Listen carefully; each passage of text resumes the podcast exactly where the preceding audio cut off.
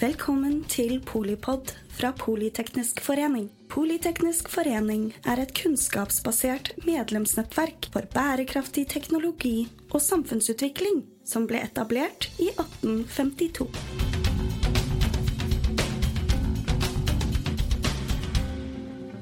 God morgen i demokratiet, har jeg begynt å si. Men nå ga min onkel, som er her, et nytt tips til en åpningsreplikk. Takk for at dere står opp for demokratiet.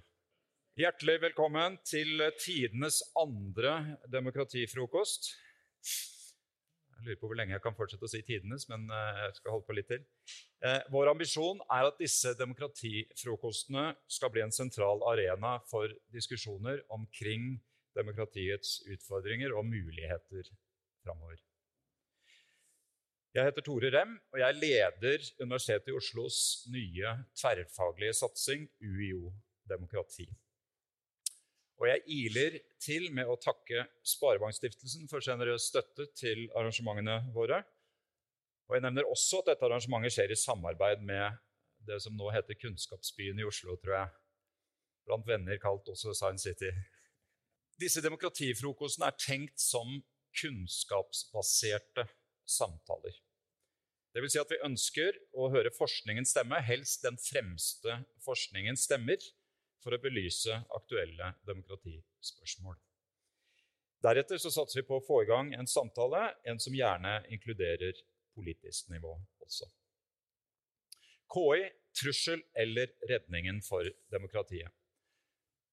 For å belyse dette spørsmålet om hva KI kan komme til å gjøre med demokratiet, men også hva demokratiet kan gjøre med KI, eh, og kanskje mer grunnleggende om vi skal styre teknologien, eller om den skal styre oss, så er vi så heldige å ha med oss hele fem forskere med ekspertise på ulike felt.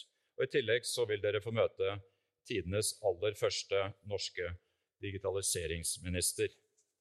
Men innlegget hans blir etterfulgt av en kort panelsamtale ledet av Jette Christensen, leder av riksvalgstyret og tidligere stortingspolitiker. Der deltar Lars Gjesvik, seniorforsker ved NUPI og medleder for NUPIs forskningssenter for digitalisering og cybersikkerhet, og Jakob Nyrup, førsteamanuensis ved Institutt for statsvitenskap, og bl.a. ekspert på autokratier.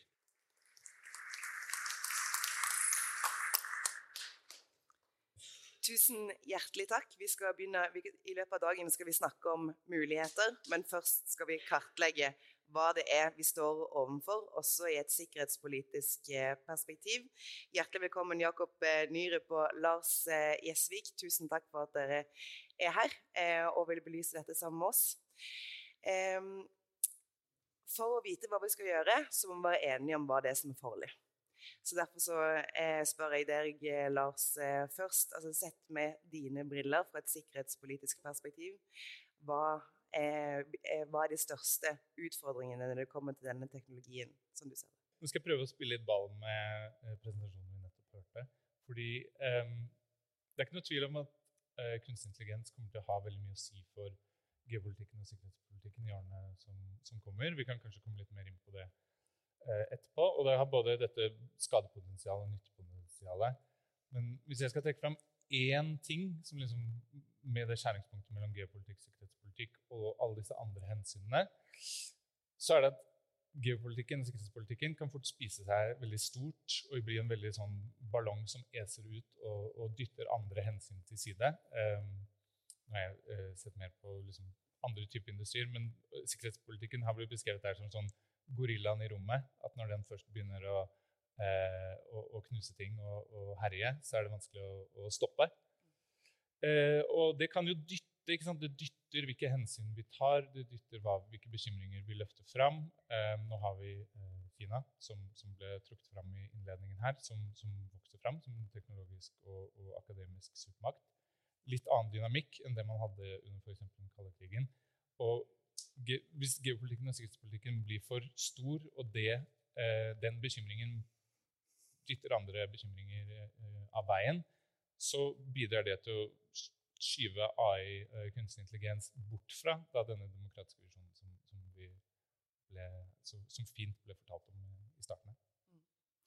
Tusen takk. Eh, så eh, Nyre, en ting jeg har lurt på, som er en del av ditt eh, fagfelt Veldig ofte så eh, snakker man om eh, problemene med at autokrater benytter dette som eh, verktøy. Og demokratireduksjon er jo også en sikkerhetstrussel.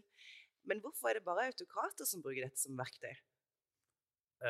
så autokrater så bruker jo Jeg begynner å bruke i høyere og høyere grad til, til liksom å styre befolkningen. Og de bruker det for det er forskjellige verktøyer hvis du er diktatur, til liksom å styre befolkningen um, og holde dem under kontroll. Uh, og En av de verktøy du kan bruke, det er jo represjon, altså vold eller trusselen om vold. Um, og der Utfordringen er liksom det er dyrt å bruke vold, uh, fordi dels skal du forvente et motsvar fra befolkningen. Det skaper utilfredshet. Så vi så f.eks. protestene i Iran siste år. De kom jo fordi at der var en, uh, en ung kvinne der besluttet å gjelde politiet. så så, så, så, kan, så, vold kan skape motsvar. Og derudover så er det dyrt å bruke vold, for du skal bruke et voldsapparat. Du skal ha folk liksom er ansatt til å bruke vold. Um, og Der kan du bruke KI til å effektivisere bruken av vold. Så du kan bruke det til dels å overvåke befolkningen, så du rammer mer presist. Så du slipper for å bruke mer vold enn du, enn du trenger.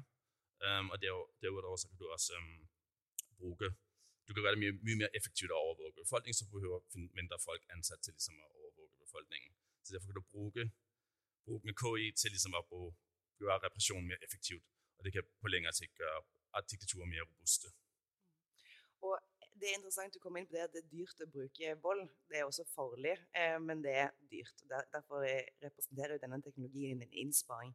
Nå syns jeg jeg så eh, Roar Bekkstrøm i, i, i, publikum, som eh, publiserte en artikkel eh, nå nettopp om hva er det som eh, skjer altså Hvilke trusler står vi overfor når vi bruker drapsmaskiner?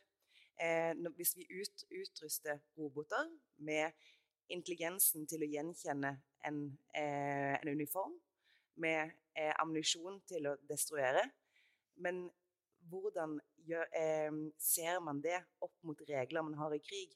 La oss si at denne roboten sikter feil, eller ikke gjenkjenner riktig eh, uniform.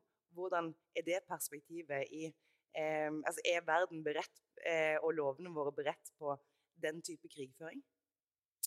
Eh, nå har ikke jeg lest den artikkelen, så det skal jeg gjøre eh, med en gang jeg kommer av, kommer av scenen her. Eh, nå tenker jeg at det du liksom snakker om her som autonome våpen, sånn, på generell basis, i, etter mitt syn, en ganske dårlig idé. En, noe vi burde unngå, men også noe som kanskje er vanskelig å unngå. Både fordi kunstig intelligens kan ta feil. altså Den har Eh, skjevheter både i dataen, men også, også skjevheter i hvordan man prosesserer det, som, som vi snakket om. Eh, vi kan jo også lure eh, kunstig intelligensen. Vi har, sett, nå har vi hatt ChatGPT eh, f.eks. og sett på alle disse rollespillene man kan be den om å, om å, gå med på for å avsløre data den egentlig ikke skal avsløre. Si sånn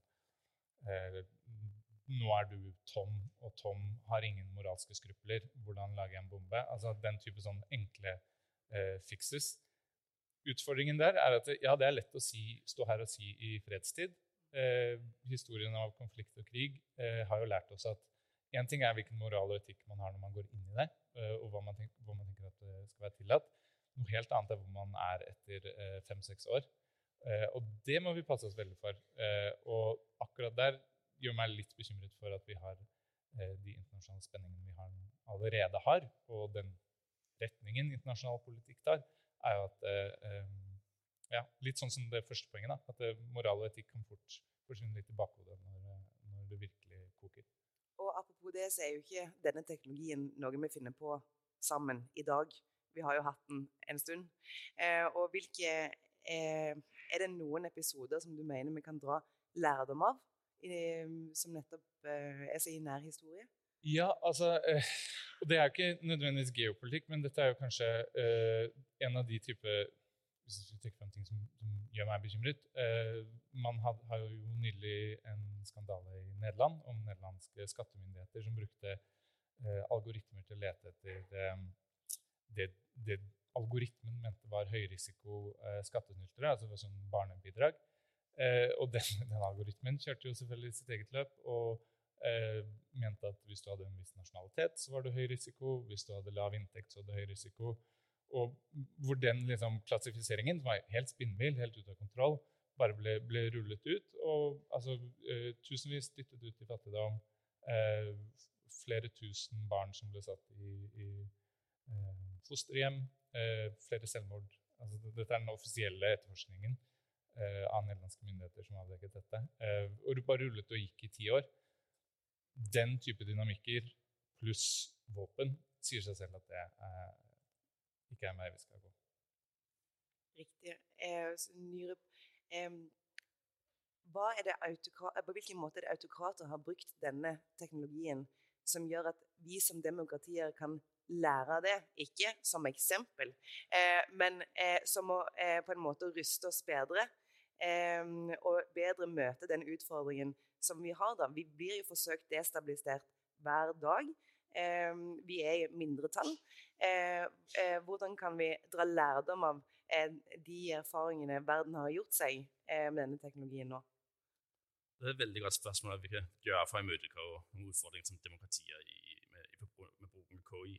Um, så jeg tror en av tingene vi som kan gjøre, handler kanskje ikke så mye om KI, men det handler om at demokratiene skal fungere bedre for alle. Uh, KI kanskje har en rekke utfordringer i forbindelse med omfordeling og, og, og, og kanskje noen jobb der kommer ut der, der, ikke, der, blir, øh, der ikke længere kommer til å eksistere. Så det til at være en række utfordringer. Så en ting jeg synes, som det viktigste vi skal fokusere på, det er at demokratiet fungerer bedre for alle. Føler alle seg inkludert. øh, og Der kan vi jo bruke KI til ligesom få folks uh, meninger aggregeret på en annen måte end vi har kunnet gjøre hittil. Og føler folk seg, hør, altså føler folk sig tættere på det politiske system, for eksempel, Der kan vi bruge KI kanskje man kan konstruere uh, chatbots der kan, der kan ligesom interagere med folk og, og, og gi dem mer informasjon om, om, uh, om politiske holdninger, eksempelvis, fra, fra, fra, og hva, det, hva, hva de har bruk for, i stedet for at det blir så kan man si, ekspert eller så, så teknisk kan man bruke chatbox kanskje til å interagere uh, med, med, befolkningen bedre. Så jeg tror vi kan prøve å bruke KI til demokratiet til å fungere bedre enn, det, en, en, en, det, gjør, og, og gjøre det mer inkluderende. Eh, tusen takk. Eh, nå, eh, I den første presentasjonen så var vi inne på at verden mangler global governance på dette spørsmålet. men Eh, slik du ser det, eh, opp mot sikkerhet og, og eh, krigføring, er det også noe som mangler på det feltet? Har vi de verktøyene og den kunnskapen vi trenger for å kunne lave, lage regler som, som gjør at vi, vi, vi, klarer å møte dette? Mm, kortsvaret er vel nei. Og, øh, altså, nå, nå ta FN, for eksempel, er jo, ser for seg at de skal ha en rolle i det her, lage noen globale spilleregler. Um, opprette denne nye uh, Tech Envoy, som er en, en fancy ny uh, stilling. Skal liksom komme med anbefalinger uh, om et års tid, er det vel. så behovet for globale regler er der absolutt. er det potensial for noen globale regler, noen sånn lite sånn minste felles man kan enes om? Kanskje. håper det. og så kan man si at det er en sånn baseline, det er der man starter, og så bygger man opp fra det. Men man må nok også tenke at man må gjøre eh, i første omgang gjøre mye på nasjonalt, regionalt, EU-nivå eh, med likesinnede land, og så begynne der. For vi kan ikke vente på de globale prosessene. Og stemningen er såpass, såpass dårlig for tida at det Ja, man skal ha det sporet fordi det er viktig, men, men jeg sitter ikke og venter på at det kommer noe derfra som, som revolusjonerer feltet med det første. Nei, og vi kan jo ikke lovfeste at demokratier skal vinne kappløpet mot eh, autokratier heller, dessverre. Eh, men eh, slik du ser det, det er én ting jo å forbedre demokratiet og, og, gjøre det til den beste representanten for styresett som, som vi har. Men eh, det har vi jo på mange måter. 13% av verdens befolkning bor i et demokrati. Vi er desidert i mindretall. Hva skal til Eh, for, altså, er løpet kjørt? Er vi, er, kommer vi alltid til å være i mindretallet? Er det autokratiene som har vunnet det digitale kappløpet, eller kan vi ta det igjen? Uh, jeg, tror, jeg tror ikke vi har tapt kampen nødvendigvis. Jeg tror kanskje vi, Det vi også ser ute i verden, er at det er veldig stor etterspørsel etter demokrati. Vi ser protester i Belarus og Iran og Hongkong osv hvor, hvor der har vært et mål om å, implementere, øh, å få dem, mer demokratiske øh, styreform. Øh, kanskje en ting vi kunne tenke på, er kan vi bruke Så det er veldig mange penger i kanskje å, designe KI til å kontrollere befolkningen. Men kan vi kanskje lave fonde på samme måte som vi kanskje har gjort med, med grønn teknologi, hvor vi investerer i kan vi lave demokratisk KI. Så for eksempel kan man designe uh, gadgets der kan oppdage spyware, eksempelvis. Eller, eller bli bedre til å for eksempel designe get, uh, apps der kan um, finne snytt i valg, uh, f.eks. hvis det er valgfusk kan man bli bedre til, til liksom å oppdage det ved, ved bruk av KI. Så kan man investere kanskje i, i demokratisk KI, kanskje også på demokratiske regjeringers side. Uh, kunne være en vei å gå. Tusen takk. Og så siste eh, spørsmål her. Eh, har norske myndigheter godt nok eh, oversikt over hva det er vi står overfor til å utarbeide strategier som er gode nok verktøy? Nei, nei. Kjempefint. Takk for den eh, runden. Jeg lover det blir lystigere utover dagen. Tusen, tusen hjertelig takk, eh, begge to. Jeg inviterer Katrine opp her. Tusen hjertelig takk. Eh, og veldig fint hvis også Nikolai eh, Astrup kan eh, eh, bidra i samtalen her. Norges første digitaliseringsminister. Men eh, før vi går over til deg, eh, så vil jeg gjerne ta opp tråden fra Torleifsons innlegg. Fordi Eh, du eh, snakker om dehumanisering og politisk vold, og, og, bruken av disse verktøyene for å spre og øke disse eh, problemene. Men dehumanisering og politisk vold det oppsto jo ikke i møte med denne teknologien. Eh, og jeg vil gjerne stille spørsmål til både Torleifsson og Karlsnes. fordi en ting jeg ikke klarer å få hull på, er hvorfor er det de eh, som ønsker å ødelegge demokratiet, spre eh, politisk vold og dehumanisering. Hvorfor er det sånn at de alltid er først i rekka i bruk av disse verktøyene? Eh, jeg husker eh, det var en sak for eh, mange år siden om en eh, privat kristen skole som drev og reiv ut sånne sider i naturfagsboker. Så ble rektoren konfrontert med dette, og så om hvorvidt de drev med hjernevasking eller ikke. Så sier rektoren vi driver ikke med hjernevasking, men vi vasker med rent vann. Eh, så det jeg, ikke, det jeg lurer på, Hvorfor bruker vi ikke denne teknologien til å vaske med rent vann? eh, Torleifsson, kanskje du kan begynne? Så det er jo propagandaens natur. Det er å styre informasjonsflyt og, og verdensbildet. Og hvis du ser hvilke teknologier som har blitt utnyttet de siste 100 årene, så er det alltid Eh, er autoritære ledende når det gjelder på utnyttelse av siste teknologi. Det kan være fra å spre flyveblader ut til bruk av radio i folkemordet i Rwanda, til nå bruk av deepfake-teknologi i ny desinformasjon og, eh, og spredning av eh, såkalte falske nyheter. Så det er klart at Hvis du har et verdensbilde som går imot uenighetsfellesskapet, som går imot demokrati, og som går imot menneskeverd og grunnleggende menneskerettigheter, og også minoriteters rettigheter, så er det klart at du har en, en, eh, et mål ved å framstille et ensidig verdensbilde, og bruker da teknologi til å, til å styrke det. Eh, hvis jeg kan eh, modifisere det litt altså Det vi ofte ser, er at det er forsvarsindustrien som tar i bruk ny teknologi først. Altså det var noe fors amerikansk forsvarsindustri og akademia som utvikla Internett. Eh, og så ser vi ofte at pornobransjen er tidlig ute med ny teknologi. Så det er ikke alltid det kun altså primært de autoritære som, som tar dette i bruk. Og for når det gjaldt sosiale medier, så var det eh, liberale krefter som brukte det i begynnelsen, og som var best på det. Og så har det også endra seg. Så det er ikke helt sånn entydig, det. Men um, uh, vi, vi vi snakker nå om at eh, hvor mange demokrati har vi egentlig i verden. Og eh, flesteparten av landene i, i, verden er autoritære stater. Og de bruker masse penger på å kontrollere befolkninga si. Så, så, det er klart vi ser mange også negative eksempler på hvordan det kan misbrukes. Astrup, jeg så du hadde ja, altså jeg tror jo at en av grunnene til at eh, det er de med lumske hensikter som ligger foran i dette, er jo at det er så mange barrierer for oss andre i bruken av denne typen teknologi.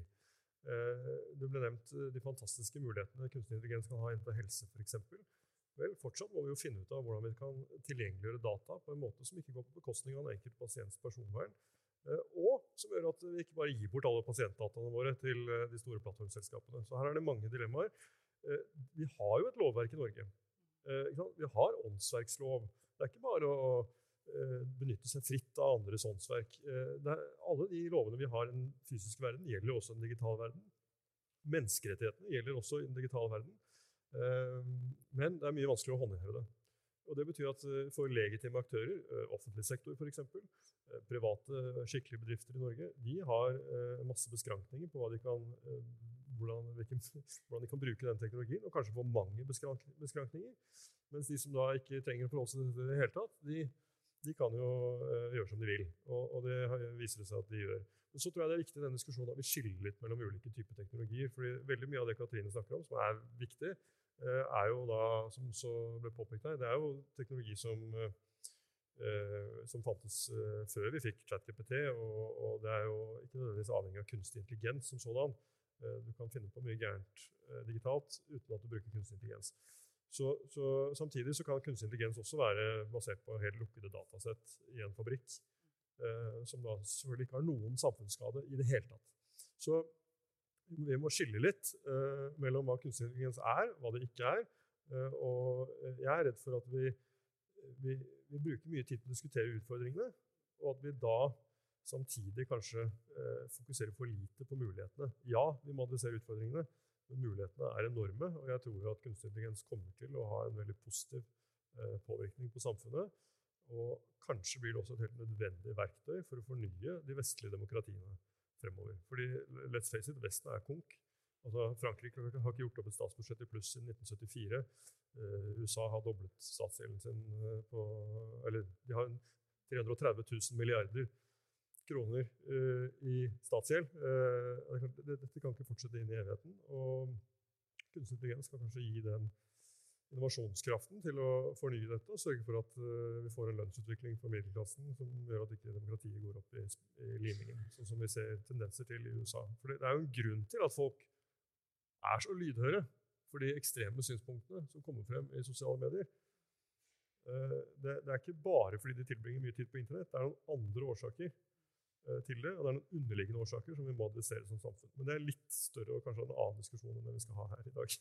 Ja, men, eh, alt henger sammen med alt som vi sier med makta. Og du har jo eh, rett. Vesten er konk. Eh, med de liberale demokratiene er i mindretall. Eh, og det var jo ikke i møte med internett at dette oppsto. Eh, men eh, dere var begge to inne på i presentasjonene deres, som vi har vært inne på det tidligere også, at det å kunne gjenkjenne bruken av virkemidler, eller det å gjenkjenne misbruk av det, det å skjønne algoritmene, er viktig. og en må være en sentral del av også opplæringssystemet. Men eh, dere har jo begge to sett på, eh, på hva vi kan gjøre og, og, hvilke virkemidler vi har. Men hvilke virkemidler har vi for å hjelpe de som aldri skal innom skolesystemet igjen? De som enten nettopp er uteksaminert fra livets skole, eh, eller eh, aldri skal innom eh, noen utdanningsinstitusjon igjen, men som er veldig aktive på internett. Hvordan kan vi eh, nå de med denne kunnskapen? Vi begynner med Katrine. Ja, jeg tenker bibliotek, eh, de store plassene hvor man møtes. Og jeg tror den kunnskapen om eh, algoritmisk påvirkning er kjempeviktig for alle borgere, uavhengig av alder.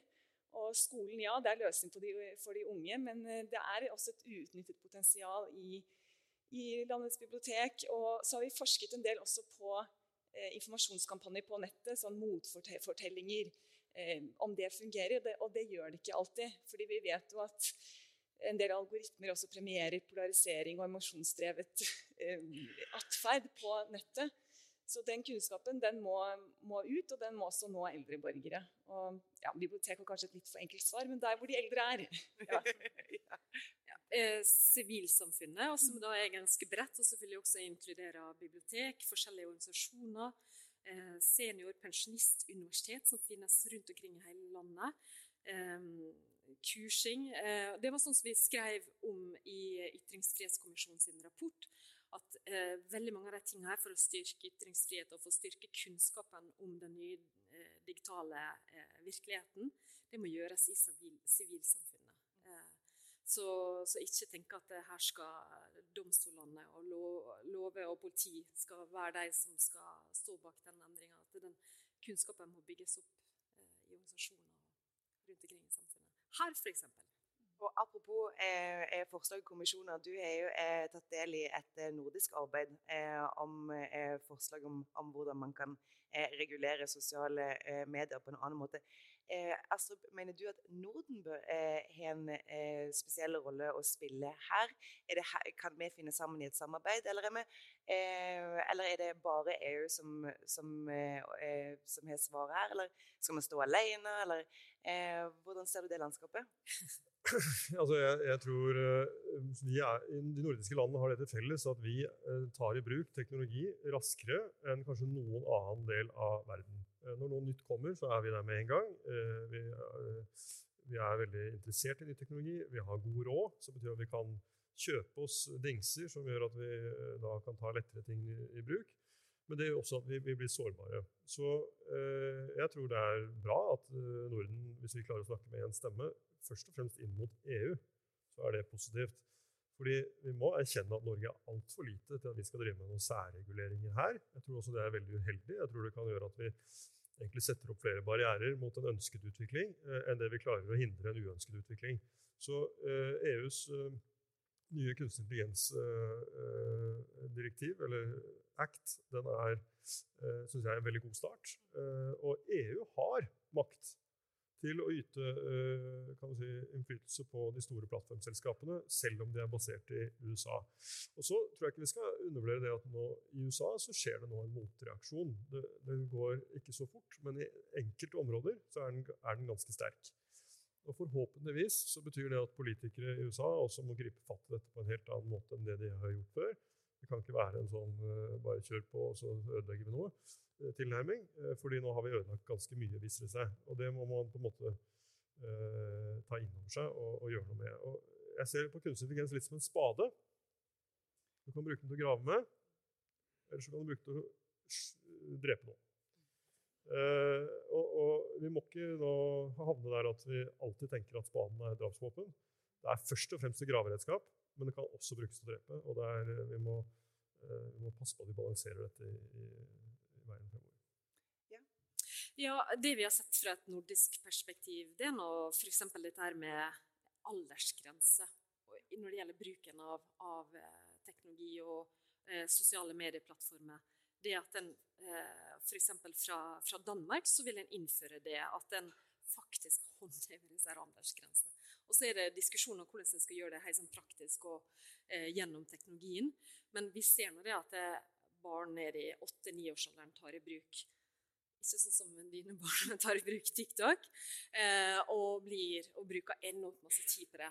Så, eh, så jeg tenker det, det, er nok et perspektiv som de nordiske landene har til, til felles. Ja, Det blir påpekt at det trengs eh, global governance, globalt styresett på dette feltet. og Det er et stort paradoks. Jeg tror også Norden kan gå, bidra gjennom EU-sporet vi var nylig i USA på møte med topper fra teknologiselskapene, og også noe som heter GIFCT, Global Incident Forum to Counter Terrorism. Og Det er et stort paradoks, fordi det er nasjonalstater og teknologiselskaper, men alle har sitt mandat. Og Nasjonalstater fokuserer jo på å beskytte sine borgere mot skadevirkninger av ny teknologi, inkludert kunstig intelligens, og så slutter man til der. Og så ser vi at dette er, og det er sagt mange ganger, det trengs internasjonalt samarbeid i dette feltet, og det gjør det virkelig. Men, det, men de eksisterende strukturene nå er for å si det, ikke så dype. Det samarbeidet er ikke så forpliktende. Og det er ganske silobasert. Så jeg tenker at vi trenger nok mer sånn system av systemer for å håndtere mulighetene og også utfordringene knyttet til KI. Eh, så du tegner deg, eh, mm. Astrup, og eh, du skal få lov å si akkurat hva du vil. Eh, så lenge du også svarer på dette spørsmålet. Eh, fordi at eh, I det første panelet så var vi litt inne på kunnskap blant myndighetene eh, om eh, dette spørsmålet. Og siden du var inne på dette med spader og sånn Politikken er jo et sted for å kalle en spade for en spade. Men hva er en spade? Eh, og forskjellen på en spade eh, kom jo ganske klart fram i den Bergen Engines-saken, som kanskje noen husker i gamle dager før krigen, når noen lurte på om det var lurt å selge forsvarshemmeligheter til eh, et autokratisk naboland. Det var ikke lurt, det ble stoppa. Men da kom jo iallfall denne forskjellen fram, nemlig at det er forskjellige syn på denne spaden. Hvordan kan man sørge for at alle eh, departementer eh, er enige om hva det er som er muligheter, og hva det er som er farlig? Mm. Altså, det er eh, åpenbart behov for mer kunnskap. og Det gjelder jo ikke bare i offentlig forvaltning og i departementene. Eh, det gjelder ikke minst politisk. så er jeg veldig opptatt av at det er for lite kunnskap blant politikere om uh, nye teknologiske uh, altså nyvinninger og, og uh, hva det betyr for det norske samfunnet. jeg tror Punkt én så bør vi oppdatere den, den nasjonale strategien for kunstig intelligens som jeg la frem i 2020. Den er utdatert. og ikke fordi den ikke var god da, men fordi den rett og slett har skjedd så mye. Så dette må være et kontinuerlig arbeid. Eh, og så, eh, så, tror jeg nok at eh, hele forvaltningen må begynne å se mye nøyere på hvordan de kan eh, ta denne teknologien i bruk på en positiv måte. Eh, det er viktig, eh, fordi det er så enorme gevinster potensielt. Og vi mangler arbeidsfolk i dette landet. Vi mangler arbeidskraft. Og det kan vi frigjøre gjennom bruk av kunstig intelligens. Vi har et behov for å få en mindre offentlig sektor. Eh, den er utgjør over 60% av bruttonasjonalprodukt. Det er altfor mye. Eh, I gamle dager sa vi alltid at den skal være maks 50. Det har bare skutt i været. Det er ikke bærekraftig. Så hvis folk skal få pensjoner, eh, også våre barn, så er vi nødt til å gjøre noe med dette. Og da, igjen så er dette muligheter, det må jobbes med planmessig. Og hvis ikke man gjør det, så får man ikke til. Og så må vi være bevisst på disse fallgrubbene. Men som sagt, i offentlig forvaltning så er ikke disse fallgrubbene så store. Altså Hvis eh, Lånekassen bruker kunstig intelligens i dag for å avdekke om folk jukser og Det har gjort at uh, avdekkingsraten er mye mye høyere. Går ikke på bekostning av noens personvern. Uh, utgangspunktet, uh, Er helt trygt, basert på egne data. Kjempefint. Sånn kan du gjøre mye mye mer av uten at det fører til radikalisering og ekkokammer og alt annet som, som vi jo diskuterer i dag. Så bare for det som jeg egentlig tegnet meg for, Eh, jeg er veldig for sosiale medier og aldersgrenser og mener at de burde være høyere. og Det er en kjent sak. Jeg har ikke fått gjennomslag i mitt eget parti, men jeg jobber nå på. Eh, men, men, når jeg ser på hva folk skriver av voksne mennesker på, på sosiale medier, så, så er ikke aldersgrense svar alene. Eh, fordi det er altså helt utrolig hva som kommer inn. og det går også, kommer også nå Nå har jeg jo meldt meg ut av de fleste sosiale medier, så nå kommer det i innboksen isteden. Og det, det hjelper ikke nevneverdig, for å si det sånn. Eh, men så har jeg også hatt gleden av å sitte i FNs høynivåpanel for digitalt samarbeid, som da var lent av to mennesker. Jack Ma fra Kina, sjefen i Alibaba, eh, og eh, Melinda Gates. Det var to verdener som møtte hverandre. Og det er til det poenget som Katrine har. Det er ganske løselig nå hva organisasjoner som FN kan gjøre. Altså Internasjonalt samarbeid har gjort at det var mulig å ringe på tvers av landegrensen og sende post, og så kom den frem. Og, Kjempefint. Men akkurat dette tror jeg er mye vanskeligere å bli enige om internasjonalt. Uh, og det er egentlig ikke noe rammeverk for å få det til, uh, så FN kan ha en normativ rolle. Men det er EU, tror jeg, som må lede an og lage det etiske rammeverket for bruk og utvikling av kunstig intelligens. Sørge for at det er etterprøvbart, at det er åpenhet. og jeg mener også eh, at vi må ha en form for algoritmetilsyn i det enkelte land. Det kan f.eks. legges under datatilsyn i Norge, men det kan også være et eget tilsyn. Eh, for å sikre tillit til de teknologiske løsningene som eh, kommer. Så Tida går eh, fort når man eh, har det gøy, som eh, spesialsoldatene sier.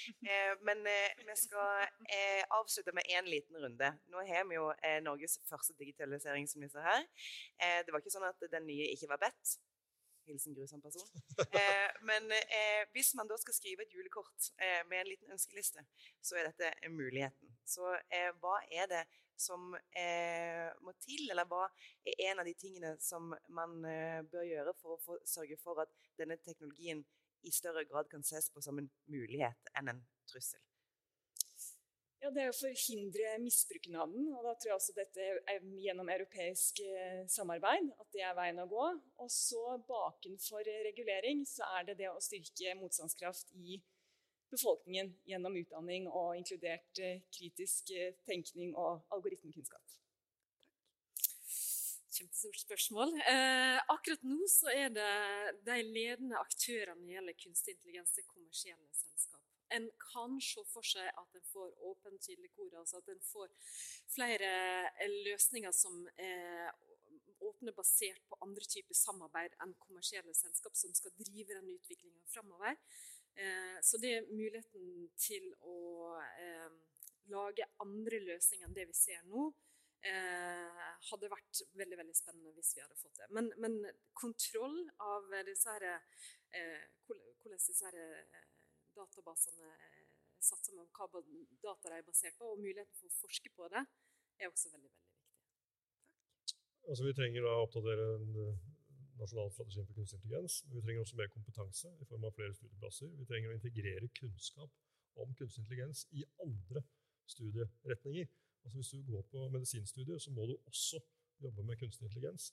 Eh, til og med hvis du skal bli eh, gårdbruker, så må du lære deg om kunstig intelligens. fordi 98% av norske kyr er koblet opp til internett. De bruker kunstig intelligens til å optimalisere fôring og melkeproduksjon allerede i dag. Så heller ikke der kan du slippe unna. Det må inn i alle studieretninger. Og så må vi etterutdanne de menneskene vi har i arbeid i dag. For vi har ikke mange nok folk som kan nok om dette til å nyttiggjøre oss mulighetene, og til å være observante på de farene som eh, kunstig intelligens representerer. Eh, og så må vi eh, ikke bare løse billett til Digital Europe-programmet, dette store europeiske programmet for digitalt samarbeid, men vi må også bidra med midler inn som gjør at vi kan hente penger ut til bl.a. tungregningskapasitet og ting som vi ikke har i Norge, som er utrolig viktig for å nyttiggjøre seg kunstig intelligens fullt ut. Så her er det masse å ta tak i, og ikke minst så må jo Karianne, som jeg kjenner, har sittet i transportkomiteen med henne, hun er kjempeflink, dette blir sikkert veldig bra. Eh, hun må også jobbe med å koordinere hele statsapparatet eh, på dette området. og Det er ingen enkel oppgave, det kan jeg skrive under på, men det må gjøres. Hvis ikke så skjer det ingenting. Dette er et område som desperat leter etter politisk lederskap fra toppen. Tusen, tusen takk både for faglige oppspill. Takk til de eh, tidligere eh, faglige panelene. Vennligst bli stående, fordi at nå kommer demokratiens eh, egen lysfontene, eh, Torem, til å lede spørsmål fra salen. Tusen takk.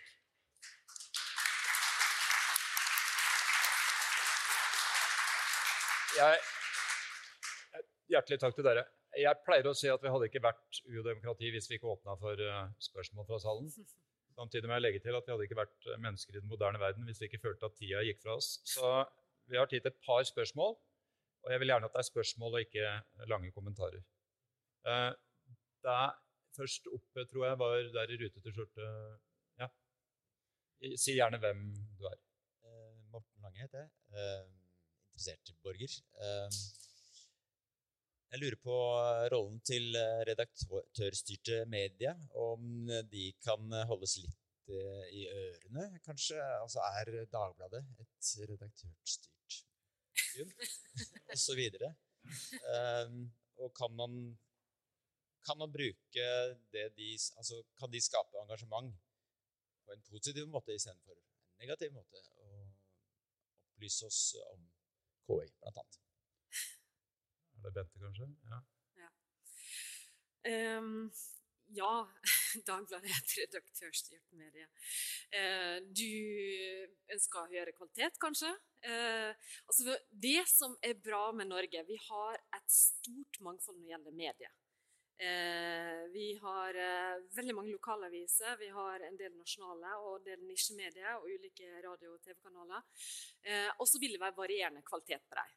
Eh, men eh, en ting som er også veldig bra, vi har Vær varsom-plakaten, som stiller store etiske krav til hvordan reaksjonene jobber. Og så har vi PFU, der en kan klage inn, eh, de, altså, klage inn på artikler eller sendinger som en syns bryter de, de retningslinjene.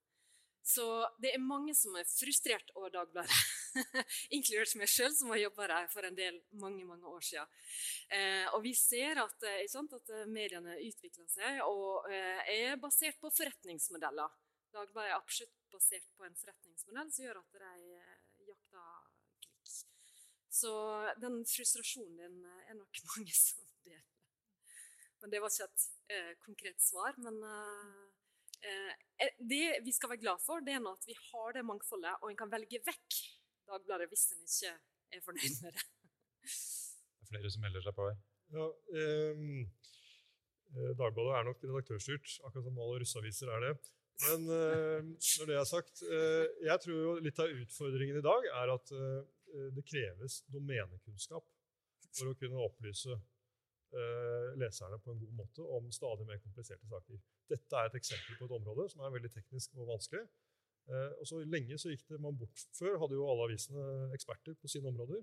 Så gikk man bort fra det, så skulle alle kunne alt om, uh, om alt. og det gikk ikke så bra. Nå er man litt tilbake igjen til at man holder seg med flere som går i dybden på ulike fagfelt, om det er helseteknologi eller hva det måtte være.